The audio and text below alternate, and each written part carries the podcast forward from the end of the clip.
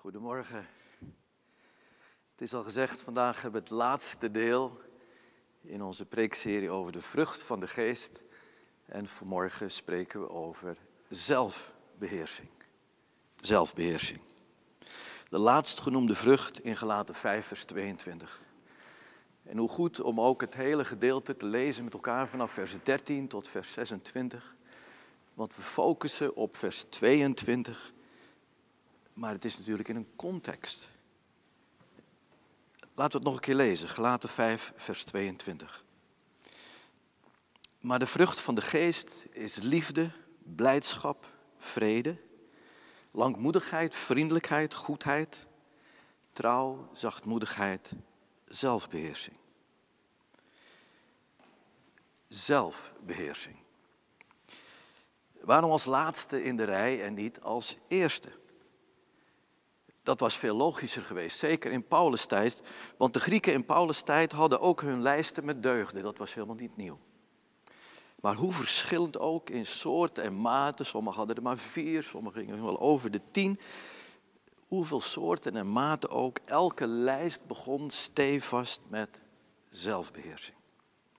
Voor de Griekse wijsgeren stond of viel elke deugd met zelfbeheersing. En voor hen was zelfbeheersing het fundament, de basis van alles.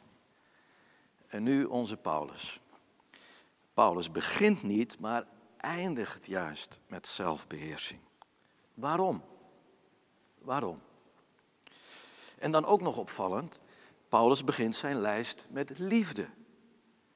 En als er nou één ding ontbrak in de lijsten van de wijze Griekse eh, Stoïcijnen bijvoorbeeld, maar ook de anderen, dan kwam liefde helemaal niet voor.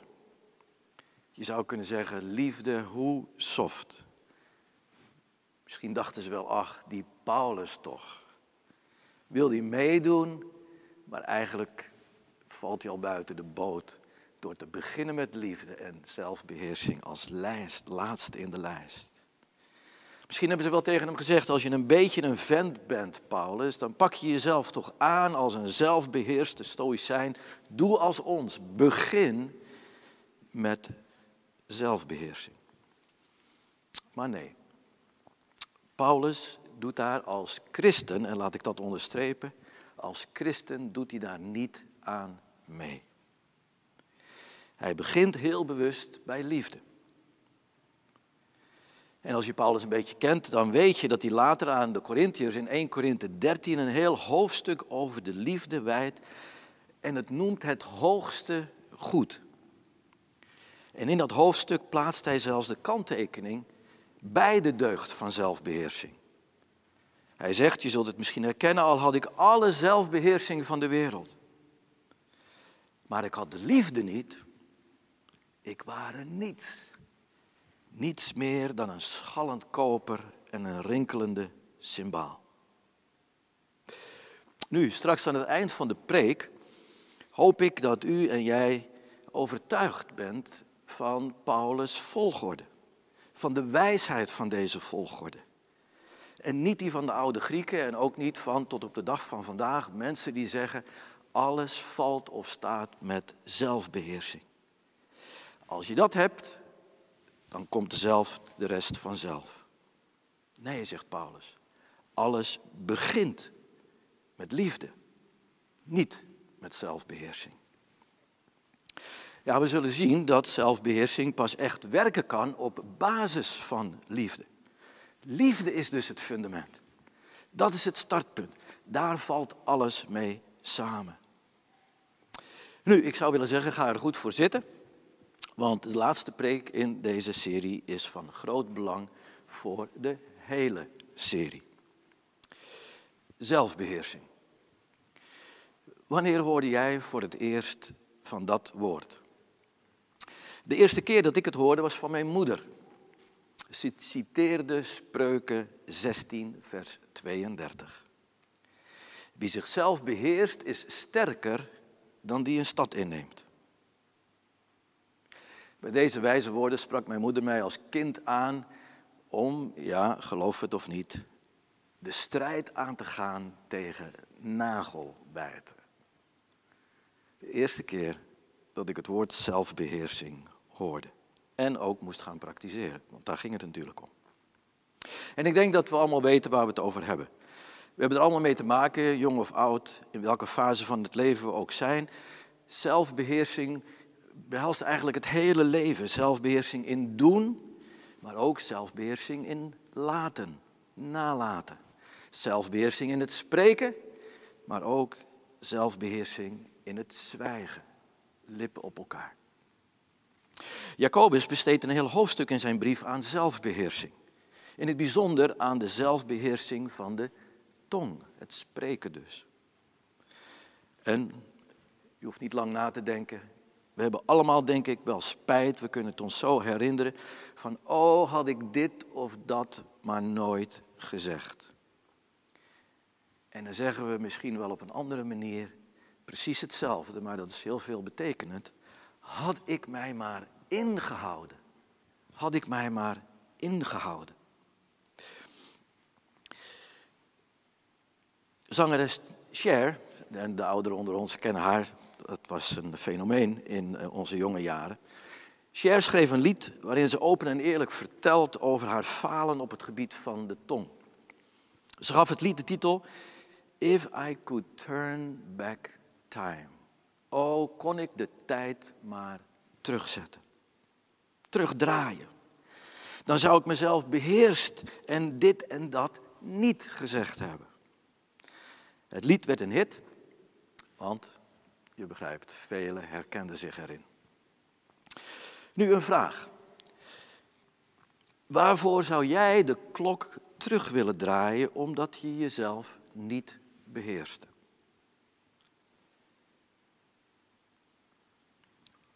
Zelfbeheersing. Ons doen, ons laten, ons spreken, ons zwijgen. Als je daar meer over nadenkt, gaat dat allemaal over uiterlijk gedrag, gedrag. Wat zichtbaar is, wat hoorbaar is. Maar is dat het hele verhaal? Uiterlijk gedrag is heel belangrijk. Maar het is niet het hele verhaal. Het is mooi als je in uiterlijk gedrag weet te beheersen, in je uitingen dus, zichtbaar, hoorbaar, voelbaar. Hoe meer, hoe beter, laten we dat onderstrepen. En soms lukt het op het nippertje, dan zeggen we, ik kom er nog net inhouden. Ik zei al, dat is heel veel betekenend, want daarmee bedoelen we eigenlijk, het vloept er bijna uit. Of ik deed het bijna, maar ik kom er nog net inhouden. Je hebt het niet geuit, maar het zat wel in je denken, het zat wel in je hart. Je voelde het in je innerlijk. Dus het zat er wel, alleen het was niet zichtbaar en hoorbaar. En dat is eigenlijk de rest van het verhaal en het belangrijkste deel van zelfbeheersing. Paulus, we hebben net gehoord, spreekt in Gelaten 5 aan het eind over mensen die een kwaad hart de ander toedragen. Misschien geven ze er geen uiting aan, maar diep in hun hart is er kwaad en ze dragen die ander een kwaad hart toe. Van binnen gebeurt dat. Voor niemand hoorbaar, voor niemand zichtbaar, maar het zit er wel. En het is zichtbaar voor God die ons hart doorgrondt. Nu, op het gebied van uh, zelfbeheersing is er natuurlijk heel veel hulp. Je kan overal terecht. Self-help, zeggen de Engelsen. Het is uh, een hele industrie geworden. En alle beetjes helpen. En als je daarvan gebruik wil maken of al gedaan hebt en het helpt je, des te beter. Maar, hoe mooi ook dat we voor elk probleem een cursus kunnen volgen, een stappenplan, in dat brede scala van zelfbeheersing, hoe ver en hoe diep gaat die zelfhulp? Want voor het raken van de kern van het probleem moeten we toch eigenlijk hulp zoeken van hogere hand. En die hogere hand is van God, die als geen ander kan en wil helpen. Hij kent ons, hij doorgrondt ons en juist in het diepst van ons hart wil hij met ons aan de slag. Want als we het zo beschouwen, dan zit zelfbeheersing voor een groot deel niet aan de buitenkant van onze uitingen, ja, heel belangrijk. Maar juist de diepere kern aan de binnenkant, daar zouden we moeten beginnen. Ons hart. De wijsheid van dezelfde spreuken over zelfbeheersing zegt het zo als het gaat om de kern van ons probleem. Spreuken 4, 23. Bescherm je hart boven alles wat te behoeden is, want daaruit zijn de uitingen van het leven. Daarom willen we het aanpakken, of eigenlijk laten aanpakken. Laten we het van God verwachten die in het diepst van ons hart ons kan beschermen en behoeden. Zodat in onze uitingen dat wat binnen is niet naar buiten komt, omdat het al aan de binnenkant, als het ware, bevrijd en verlost is. Daarom aan het eind van deze serie, juist vandaag de nadruk meer dan voorheen op ons hart. Want daar ligt ons probleem. En de vraag is, en ik kijk in de camera, heb je de durf, heb je het lef om open, eerlijk, kwetsbaar naar je innerlijk te kijken, naar je hart dus? En misschien is het wel goed dat we niet vandaag, en helaas al heel lang, maar zeker vandaag is het misschien goed dat we niet bij elkaar zijn in deze kerkzaal, maar in de veiligheid van ons eigen huis, om die durf en die lef op te brengen. En daarom zullen we samen ook zo halverwege de boodschap bidden dat God ons dit geeft. Na een hele lange inleiding waar we begrijpen het gaat om ons hart, zullen we ook samen bidden dat God ons hart aanraakt. Heer, als we vandaag nog een laatste keer spreken over de vrucht van de geest, dan bidden we inderdaad dat, dat u ons hart aan wil raken. En dat u, Heer, ons de lef geeft en de durf om open en kwetsbaar te zijn, ontvankelijk voor u, met een open hart, opdat u door uw geest uw werk kan doen in ons hart. Want de vrucht waar we het van verwachten is niet van ons, het is van de geest. Daarom, Heilige Geest, wilt u uw werk doen in het diepst van ons hart. Dat bidden we in Jezus' naam. Amen. Amen. Nu, als Paulus in de, de de gelovigen wijst op hun innerlijk, hun hart, bedenk dan dat onze Heer Jezus Christus het zelf was die ons leerde om lef en durf te hebben om naar binnen te kijken. Zo zien we in het begin van het Matthäus-evangelie in de bergreden dat Jezus steeds weer wijst naar het innerlijk, het hart van de mens. En hoe die dat aanpakt gaat zo. De Joodse wet, en iedereen kende die, de Joodse wet zegt dit te doen en dat te laten, maar ik zeg u. En dan wijst Jezus naar de diepere roerselen van het hart van de mens. Anders gezegd, je kunt dan aan de buitenkant misschien wel heel mooi en aardig overkomen, je aan de wet houden, beheerst zijn. Maar hoe zit het met je hart aan de binnenkant? Jezus legt daarmee de vinger op de zere plek. En zo hield Jezus altijd het volk een spiegel voor. Die reikte ver voorbij de wet tot in de diepste roerselen van het menselijk hart. En bij de fariseeën was Jezus nog extra scherp op dit punt. Zij waren immers bij uitstek degene die door hun wettische en religieuze opvattingen juist aan de buitenkant er prat op gingen voor het oog, voor de bühne zou je kunnen zeggen, als volmaakt naar de wet te leven en te handelen en te spreken. Maar Jezus keek er dwars doorheen. Jezus vergeleek ze met witgepleisterde graven. Aan de buitenkant wit en schoon, maar van binnen een roversvol. Vol kwaad, vol ellende. Andere gebroed noemt hij ze. Nu, de ontwikkeling van wat Jezus al eigenlijk in de evangelie deelde, komt tot een hoogtepunt in de ontmoeting van Jezus, van Paulus op de weg naar Damascus. Paulus was een fariseer. Paulus moet door de Heer aangesproken zijn en wist maar al te goed dat deze Jezus, die hem van de hemel ontmoette op de weg naar Damascus, waar hij christenen wilde vervolgen, die ging direct tot het hart van Paulus.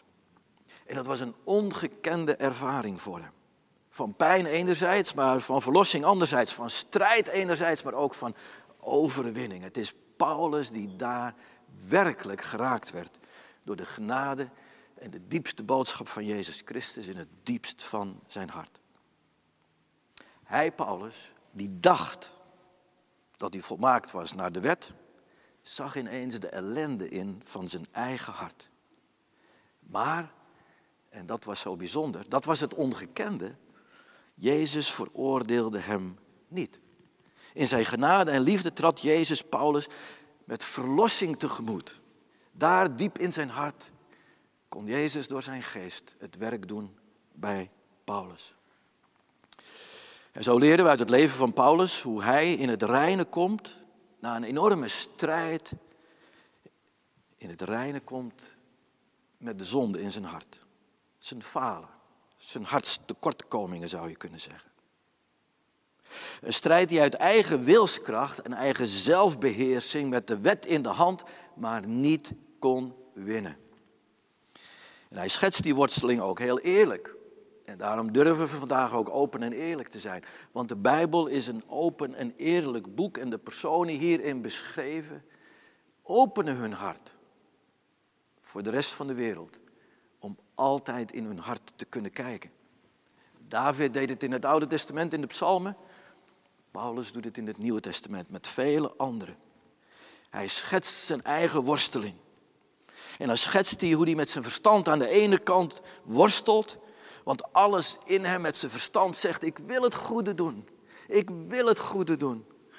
Maar de uitkomst van die goede wil, die blijkt in de praktijk zo weerbarstig anders. Hoor Paulus' bekentenis in Romeinen 7. Niet wat ik wens, het goede doe ik, maar wat ik niet wens, het kwade, dat doe ik. En zijn conclusie is open en eerlijk. Ik, ellendig mens, wie zal mij verlossen? En het antwoord vindt Paulus in Jezus Christus, die hem opzocht op de weg naar Damascus. En als daar in zijn hart door de Heilige Geest de verandering gebracht is na de ontmoeting met Jezus, is het die Jezus die hij predikt vanaf die dag. De Jezus van de ontmoeting op de weg naar Damascus. De Jezus vol liefde die hem in genade aannam en zijn hart veranderde door de inwoning van de levendmakende Heilige Geest. Die Jezus en zijn liefde zou de rest van Paulus' leven in alles de drijfveer worden. Voor de Corinthiërs vatte hij die ontmoeting en die ommekeer kort en krachtig samen. In een korte zin zei hij, dit is wie ik ben, de liefde van Christus drijft mij. De liefde van Christus drijft mij. En dat wordt de boodschap van Paulus. Waar hij ook gaat en waar hij ook staat. En op een dag gaat en staat hij en bezoekt hij de gelaten. En toen de gelaten deze liefdevolle boodschap en deze genadevolle boodschap en verlossende boodschap hoorden, stond ook hun leven, net als bij Paulus, op de kop. Wat een vreugde voor hen. Maar ook wat een vreugde voor Paulus zelf. Dat hij meemaakt dat de ontmoeting met Jezus nu ook plaatsvindt in de ontmoeting van al die Galaten die op dezelfde manier, misschien onder andere omstandigheden, maar op dezelfde manier in hun hart geraakt worden door de genade en de liefde van Jezus Christus. Totdat. Totdat. Totdat er wettische lieden komen. Paulus noemt ze onruststokers. En die lieden dringen binnen in de gemeente.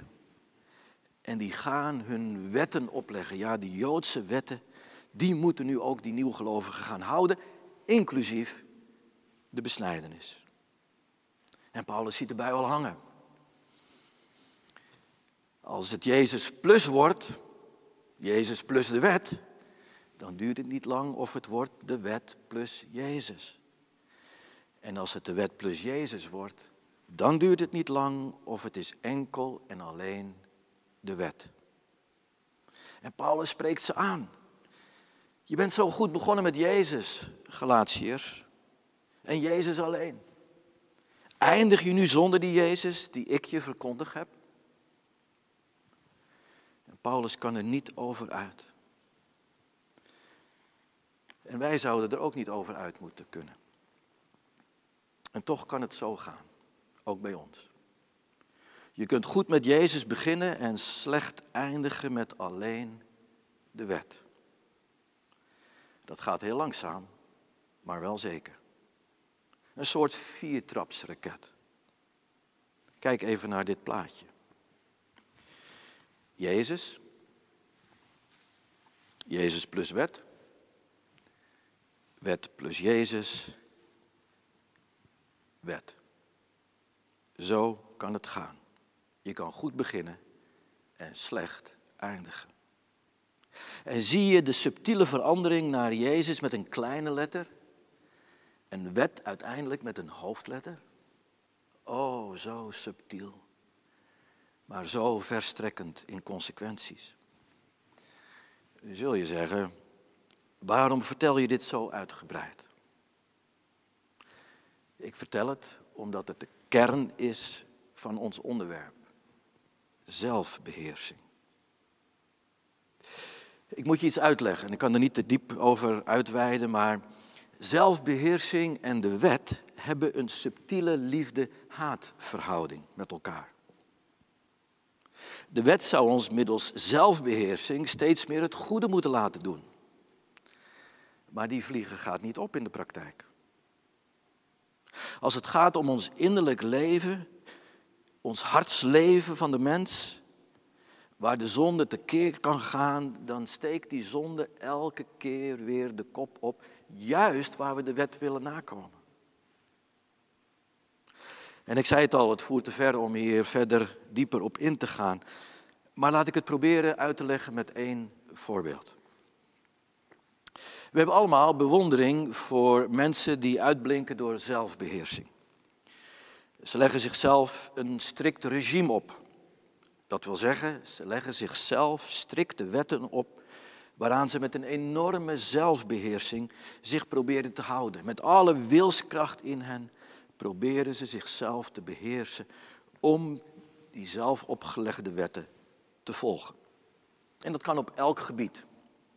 Maar denk even aan de absolute top in de sportwereld.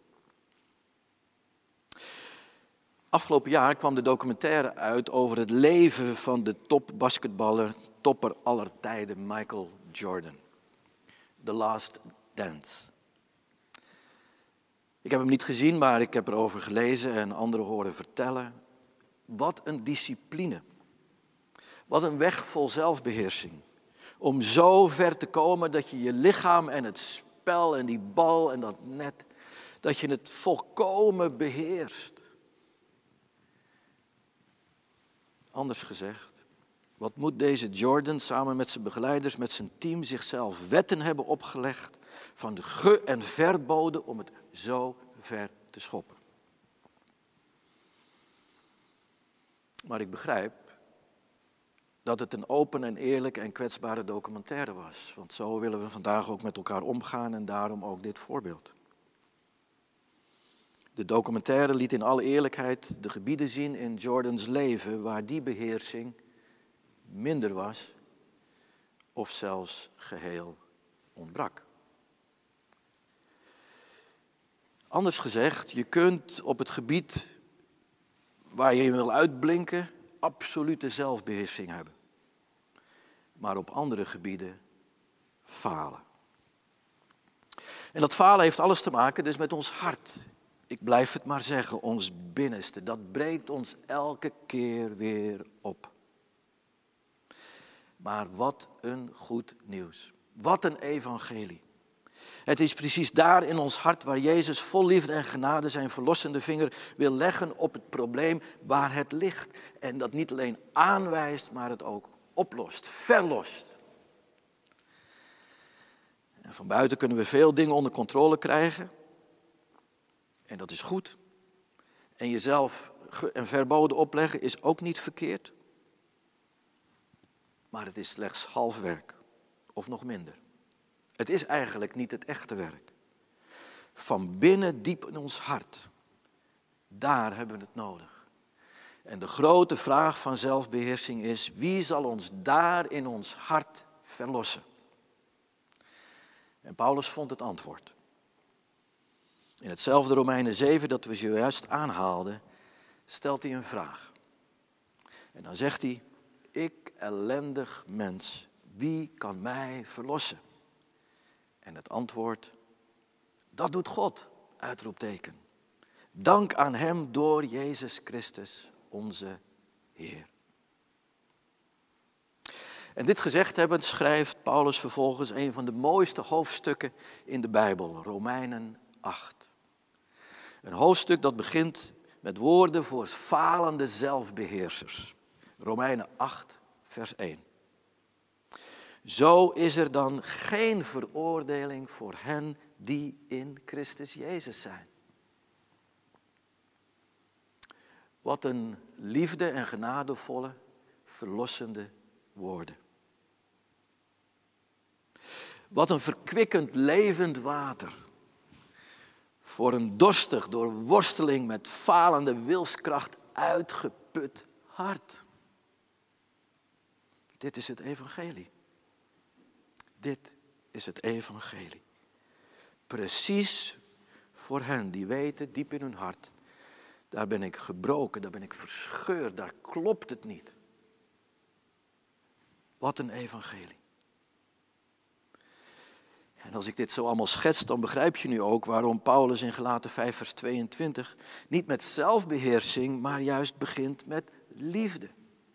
Het was de liefde van Jezus Christus op de weg naar Damascus die de verandering bracht bij Paulus. Het was de liefde die de verandering bracht in de levens van de Galaten.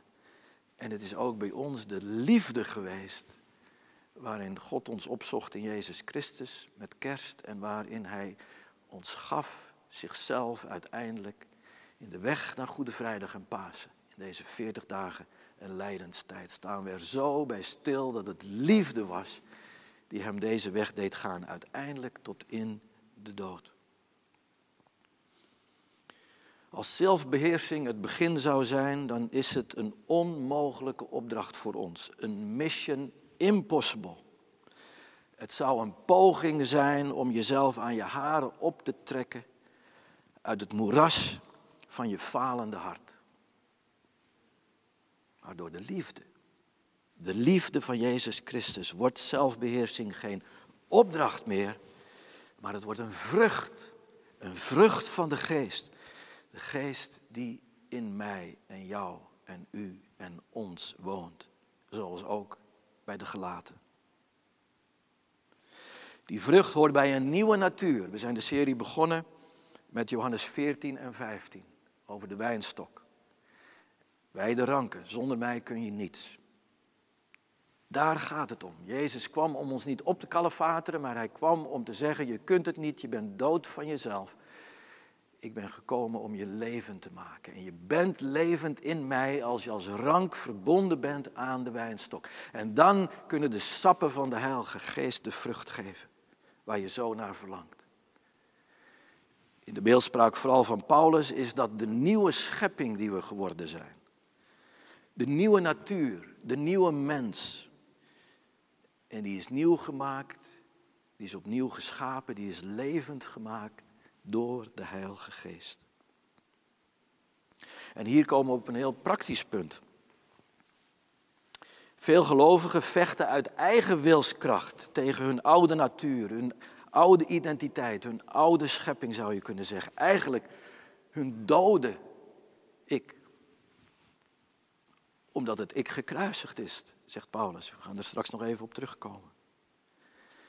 Maar Paulus zegt aan het eind van Gelaten 5, wie Christus Jezus toebehoort, is een nieuwe schepping. Hij heeft zijn oude eigen natuur met alle hartstocht en begeerte aan het kruis geslagen. Het is niet meer. En zo blijft er eigenlijk voor elke christen maar één opdracht staan. En dat is een mission possible. Het is de opdracht te wandelen door de geest en je laten leiden door die geest.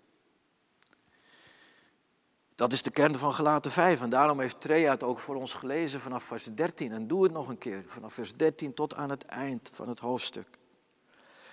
Want het begint met de geest en het eindigt met de geest.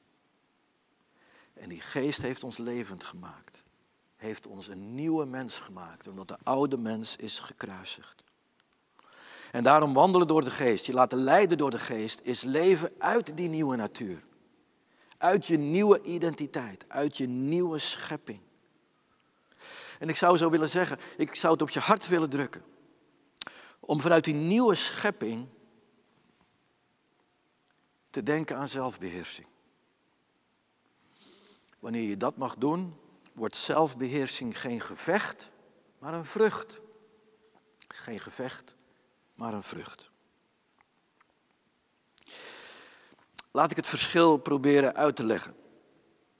Door een paar simpele voorbeelden. Wat betekent het om niet te vechten tegen je oude natuur, maar als vrucht te leven uit je nieuwe natuur? Twee voorbeelden die heel dichtbij zijn. Roken en eten. Treja noemde het al. Nou, daar kunnen we ons allemaal wel iets bij voorstellen. Als het niet voor onszelf is, voor een dierbare die de strijd is aangegaan tegen roken.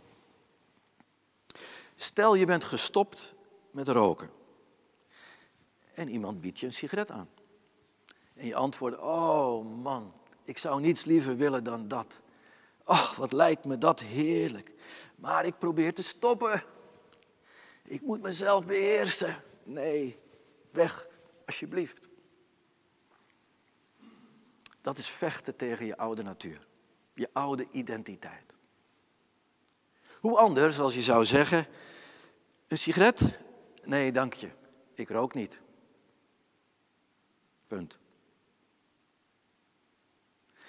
Dat is de vrucht van je nieuwe identiteit. Jij spreekt me op aan op iets en iemand die ik niet ben, want ik ben gestopt. Ik ben een nieuwe schepping. En de vrucht van de geest geeft dan die zelfbeheersing. Een ander voorbeeld, zo passend ook in deze lijdenstijd, deze 40 dagen tijd, waar veel gevast wordt. Ik sprak gisteren nog met een broeder uit de gemeente die vast in deze periode.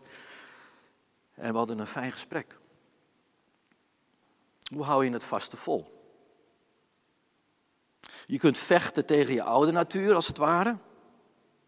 Of je overgeven aan de vrucht van je nieuwe natuur, die zelfbeheersing geeft. En dit principe geldt niet alleen voor tijdelijk vasten, maar ook voor blijvend minderen. Er zijn mensen die bewust zijn gaan consuminderen. Soms begint het met vasten en zeggen, ach, ik heb de smaak te pakken van vasten. Het kan minder in mijn leven. Daar is de term van gekomen, consuminderen. Door minder te eten, door minder te drinken. Als je dat nu eens doet vanuit je nieuwe identiteit in Christus. Die dus niet begint bij de koelkast, maar die begint bij het boodschappen doen. En zo zijn er die uit liefde voor Christus heel bewust minder kopen, minder consumeren. En zeggen, maar wacht eens, nu hou ik geld over. Ik had het anders zo makkelijk uitgegeven. Dit geld kan een hoger doel krijgen. En het uitgespaarde geld dat ze anders aan te veel eten en te veel drinken zouden uitgeven, nu geven aan kinderen in armoede, die soms maar moeten leven van één maaltijd.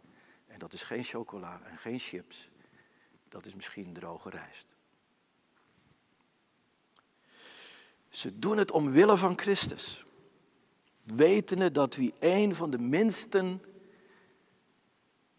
zonder eten, zonder drinken. Een van de minste geeft en aanreikt in zijn naam. Je hebt het aan mij gedaan, zegt Christus. Zie je dan dat zelfbeheersing een heel ander perspectief krijgt? Dat er een heel andere motivatie, een heel andere vrucht in je leven gaat bloeien en groeien.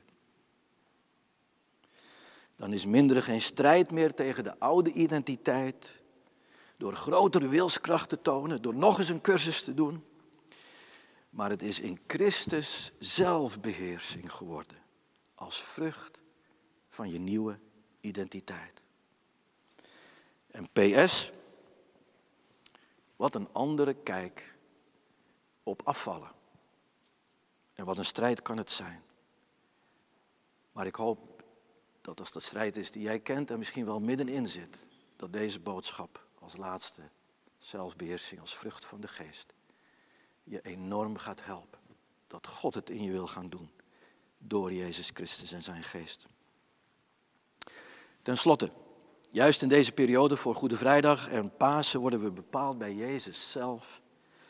En ook dus zijn voorbeeld van zelfbeheersing. In Hebreeën 12 worden we opgeroepen onze ogen gericht te houden op de Jezus van het lijden. Die de weg wilde gaan van het lijden. We gaan daar straks ook onze nieuwe preekserie over hebben. De lijdensweg op weg naar Pasen. En dat voorbeeld wordt in, Johannes, of in uh, Hebreeën 12 gegeven, dat Jezus een weg ging en ook wij daardoor zijn zelfbeheersing, zijn vastberadenheid mogen kennen om onze wedloop te lopen in het leven. De Hebreeën schrijver zegt het zo. Laat ons oog daarbij alleen gericht zijn op Jezus, de leidsman en voleinder van het geloof, die om de vreugde welke voor hem lag, het kruis op zich genomen heeft. Hoe toepasselijk om onze serie met deze woorden te eindigen. Als Jezus om de vreugde welke voor hem lag, het kruis vol zelfbeheersing op zich heeft genomen, dan mogen ook wij dat doen omwille van dezelfde vreugde die ook voor ons in het verschiet ligt. En denk even aan onze dierbare zuster Jetty de Gier. Zij zit nu midden in die vreugde. En die ligt ook voor ons in het verschiet. Omdat Jezus eens de weg ging van het kruis tot het einde om de vreugde van de opstanding en het heil en het evangelie dat voor hem lag, om ons daar deel van te maken. Nu, dan eindigen we met vreugde. We zijn begonnen met liefde, eindigen met vreugde, die zelf natuurlijk ook een vrucht van de geest is. Net als liefde is het ook een basale vrucht van de geest, helemaal aan het begin van de lijst. En het is liefde en het is vreugde die als het ware zelfbeheersing vleugeltjes gaat geven. Als we in deze volgorde onszelf overgeven en wandelen door diezelfde heilige geest. Ik zeg het nog één keer. Wat een evangelie. Wat een evangelie. Zullen we samen bidden?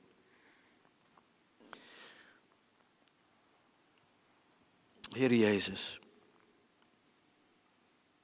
U en uw liefde zijn onze basis. Het was uw liefde die ons opzocht. Het was uw liefde die Paulus opzocht, de gelaten opzocht. Liefde is het hoogste goed en dank dat u daar de belichaming van geworden bent. En zo willen we aan het eind van deze serie u loven en prijzen om uw liefde. En dan komen er allerlei andere woorden om uw vreugde, om uw trouw, om uw genade, om uw verlossing. En aan het eind van de serie willen we zeggen, ik bouw op u en u alleen. Niet op eigen wilskracht, niet op eigen zelfbeheersing. We bouwen op u. Want wie op hem hoopt, wordt niet beschaamd. We steunen op u, op uw naam, u Jezus alleen. Mogen nu in ons hart een moment stil zijn om dat als het ware te verankeren. En dank u wel dat u door uw Heilige Geest nu ook uw werk wil doen in ons hart. En dan willen we daarna ook luisteren naar een lied. Wat precies dat zegt. Ik steun alleen op Jezus' naam. Want u bent ons fundament. Zwak wordt sterk door al uw werk wat u begint in het diepst van ons hart. Wilt u zo nu in het diepst van ons hart spreken, ons aanraken door uw Heilige Geest? Mogen we dat doen in deze momenten van stille overgave en stil gebed.